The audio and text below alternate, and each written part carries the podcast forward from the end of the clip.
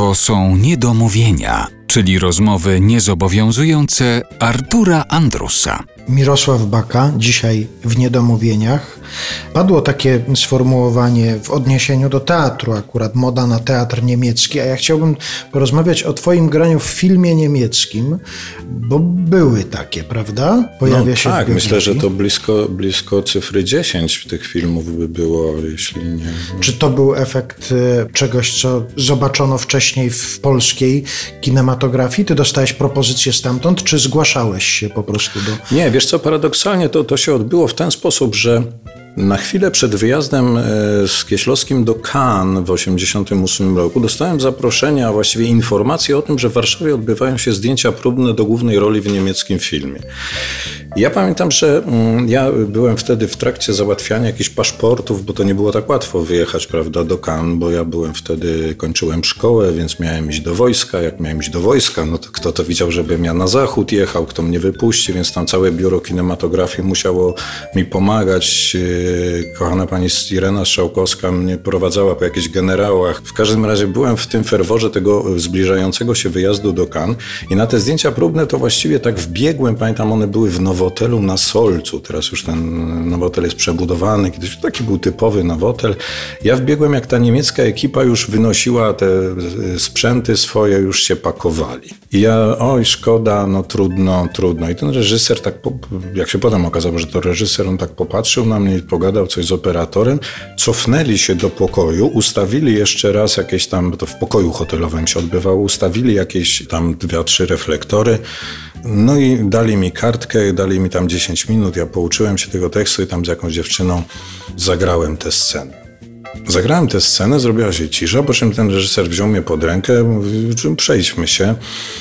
Wyszliśmy przed hotel i on mówi, słuchaj, jakie ty masz plany teraz terminowe? No i ja oczywiście już poczułem, że Jezus Maria, mam jakieś szanse chyba na film niemiecki, a wiedziałem, że to nie DDR-owska opowieść o Winnetu, tylko że to był ten niemiecki, taki niemiecki, bardziej niemiecki film.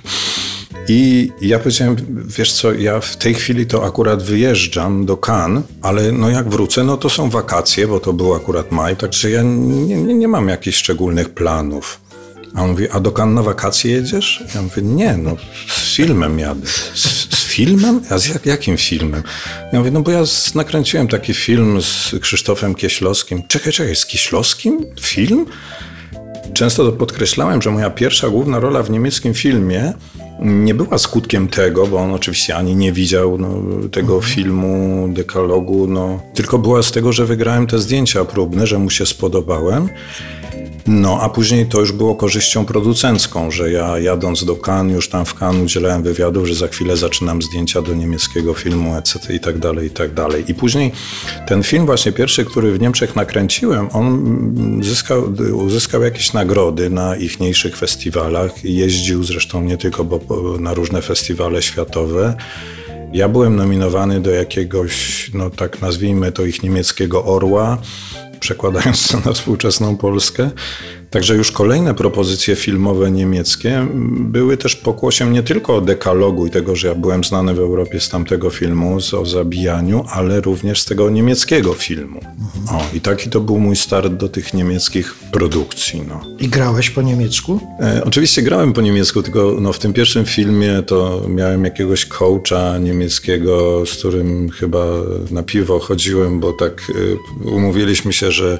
Akcent lepszy się ma, to prawda. że, tak, że, że grałem Polaka, który ucieka na zachód i który uczy się niemieckiego, więc to nie był problem. E, raz tylko chyba w kolejnym filmie tego samego reżysera grałem Polaka, który świetnie mówi po niemiecku, ale no też jakiś tam słuch językowy mam, że uczyłem się tych swoich kwestii.